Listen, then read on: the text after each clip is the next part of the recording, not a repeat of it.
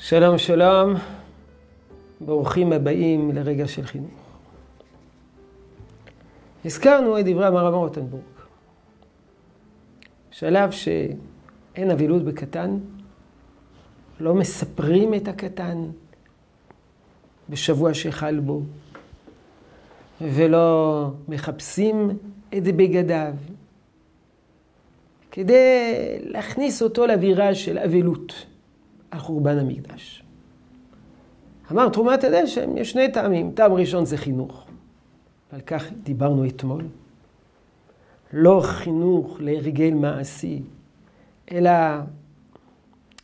כדי שבסופו של דבר נוכל להקנות לו השקפת עולם, יתעניין, לגרות את הסקרנות שלו, ישאל מה זה ועל מה זה ונסביר לו. והטעם השני זה עוגמת נפש. מה פירוש של דבר עוגמת נפש? עוגמת נפש, פירושו של דבר, כשרואים ילד לא מסופר, רואים בגדים לא מכובסים, והולך מרושל, אנחנו מתמלאים עוגמת נפש. זה ישפיע עלינו, אנחנו ההורים. אפילו הוא, הילד, מסתובב ככה. זה, זה מעציב, זה שובר את הלב. מי שפעם אחת נכנס לנחם בבית של אבלים ורואה איזה ילד קטן יושב ליד אמו על הרצפה, זה שובר את הלב. רואים ילד קטן, בימים אלו, לא מסופר, אתה יודע למה הוא לא מסופר. הוא הולך עם בגדים לא מכובסים. זה מעורר אצלנו עוגמת נפש. זה מעמיק את תודעת השבר והחורבן. לחוש, לחוש. עד כמה הימים אלו, ימים ללא בית מקדש, הם ימים שהם קשים עלינו והם בלתי נסבלים. שואל על תחומת הדשא, מה ההבדל בין שני התירוצים להלכה? שני הסברים, אם מטעם חינוך או מטעם עוגמת נפש? תשובה פשוטה.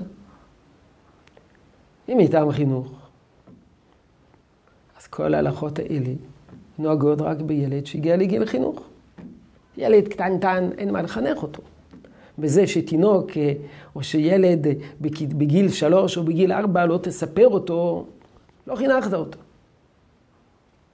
אבל זה משום עוגמת נפש של המבוגרים, אין כל הבדל אם זה ילד בן ארבע או ילד בן עשר.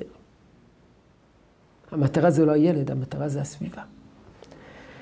כך כותב בעל תרומת הדשן, שזה, לא סליחה, סליחה, שכחתי, זה לא בתרומת הדשן, אומר את זה, זה המשנה ברורה בשער הציון. הוא זה שמזכיר את הנפקמינה הזאת, את ההבחנה הזאת. לא תרומת הדשן, אלא הוא לוקח את שני הסברים של תרומת הדשן ואומר שזאת ההבחנה, ההשלכה משני התירוצים. ומכאן מתעוררת השאלה, האם ילד קטן צריך לצום בתשעה באב. ועל כך נדבר בעזרת השם ברגע של חינוך הבא. רצון שתשרה ברכה בעבודתנו החינוכית. שלום שלום.